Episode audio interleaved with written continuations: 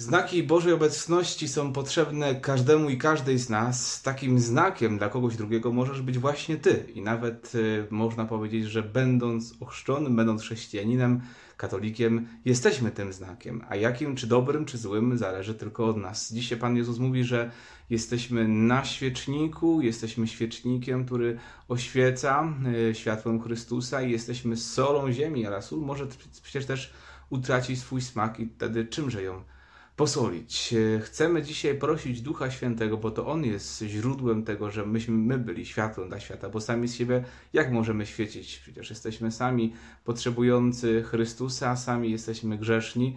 Tylko On może nas do tego przygotować, żebyśmy mieli w sobie to światło, żebyśmy byli rzeczywiście wyraziści, bo sól to jest oznaka wyrazistości i że ta wiara nie jest tylko taką zewnętrzną otoczką i jakąś maską założoną na siebie, ale jest czymś autentycznym. Takim człowiekiem będącym światłem, świecznikiem i solą ziemi był też prorok Eliasz. Poznajemy go, jego historię w tych pierwszych czytaniach. Dzisiaj już w czasie tego, tej suszy, tego braku pożywienia idzie do, do wdowy z Sarepty Sydońskiej, tej, którą, o której mówi Pan Jezus w Ewangelii w pewnym momencie.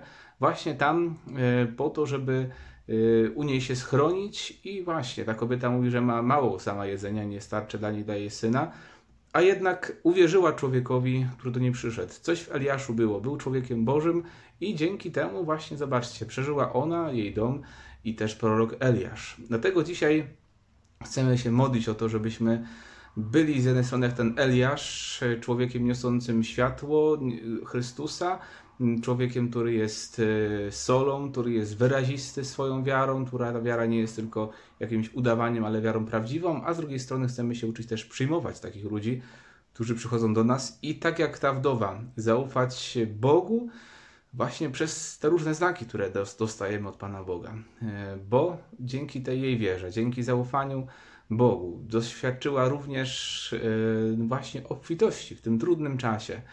Kiedy ufamy Bogu, kiedy Go zapraszamy do swojego życia, kiedy pozwalamy Mu działać, to chociaż sam z siebie, jak patrzysz na siebie, może mówisz, jestem słabym znakiem Bożej obecności, słabym światłem, może taką już wywietrzałą solą, ale dzięki niemu możesz stać się na nowo pięknym e, żyrandolem, albo lampką, albo świeczką, albo tym, co daje światło po prostu i solą, która nadaje wspaniały smak wszystkim potrawom, Twojemu życiu również.